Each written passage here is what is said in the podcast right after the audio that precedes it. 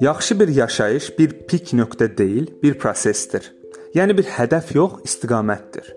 Kim olduğunu birazdan daha ətraflı açıqlayacağam. Carl Rogersa görə yaxşı bir həyatın dadını çıxarmaq üçün bunlara ehtiyacımız var. 1. Təcrübələrə tamamilə açıq olmaq. 2. Anı yaşamaq. 3. Özünə güvənmək. 4. Seçimlər və qərarlar üçün məsuliyyət almaq. 5.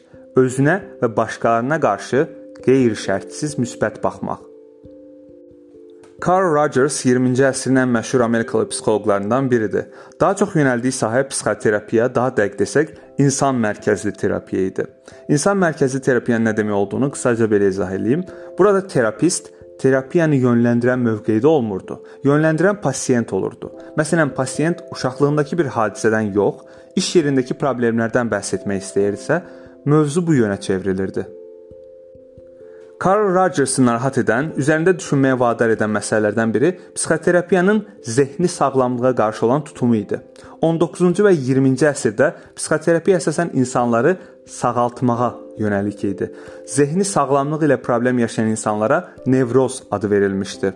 Carl Rogers məsələyə daha fəlsəfi baxış nöqtəsi qatmışdı. Zehni sağlamlığın bir neçə addım sonunda qəflətən əldə edilə biləcək bir şey olmadığını düşünürdü. Rogers üçün sağlam bir mənlik anlayışı sabit bir şəxsiyyət deyil, ehtimallara açıq, axıcı və dəyişkən varlıq idi.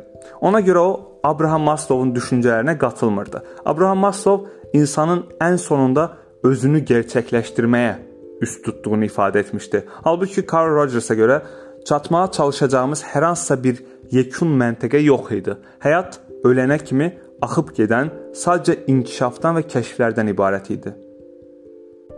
İndi isə podkastın başında açıqladığım o 5 maddəyə daha yaxından baxaq. İlk ikisi daha düzün desəm 5-i də bir-birinə əlaqəlidir təbii ki. İlk ikisi, ilk ikisi daha çox əlaqəlidir. 1. Təcrübələri tamamilə açıq olmaq, 2. Anı yaşamaq. Burada əsas problem həyatın hər daim dəyişmə gerçəyidir. Carl Rogersa görə bunları görməzdən gəlmək, qəbul etməmək, özümüzü aldatmaq və heç nəyin dəyişmədiyi hekayəsinə inanmaq təhlükəli idi. Bəzi şeylər dəyişir. Əslində çox şey dəyişir. Həyatın hər göz qırpımında dəyişdiyini açıqlamaq üçün Carl Rogersdan belə bir stat gətirmək olar. Bir san bir sonrakı saniyədə nə olacağım və nə edəcəyim bu saniyədən doğar və əvvəldən bilinməz. Həyatın dəyişmədiyi hekayəsinə, hekayəsinə qapılmaq həyatın təbiətinə tamamilə ziddir. Ön yarğılarımızdan qurtulmaq yeni təcrübələrə və anı yaşamağa doğru addımlamaq üçün ən əsas yollardan biridir. Bir dəfə ön yarğılarımızdan qurtulduğumuz an özümüzə yüksəlmək üçün bir şans vermiş oluruq. Təcrübələrimizi dünya görüşümüzlə əlaqələndirmək yerinə həyatın əsl formasını kəşf edirik. 3 və 4 əslində. Özünə güvənmək, 4 seçimlər və qərarlar üçün məsuliyyət almaq. İlk maddədə dediyimiz kimi, bu da təcrübələrə açıq olmaq ilə bağlıdır. İnsan yeni təcrübələrə doğru addım atdıqda bilinməzə, açıqlığa doğru gedir və insan bu cür açıqlığa doğru getdikcə özünə və instinktlərinə daha çox etibar eləməyə başlayır.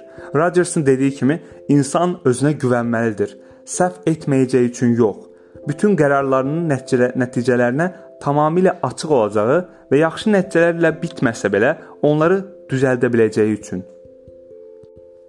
5. Özünə və başqalarına qarşı qeyri-şərtsiz müsbət baxmaq.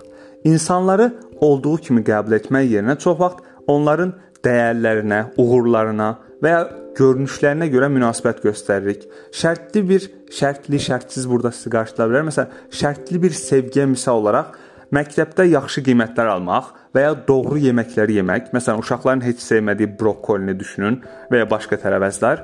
Bu və bənzəri hallar uşaqların özlərini dəyərsiz və təsdiq edilməmiş hiss etməsinə səbəb ola bilər. Qeyri-şərtsiz münasibət göstərmək isə bunun tam əksidir.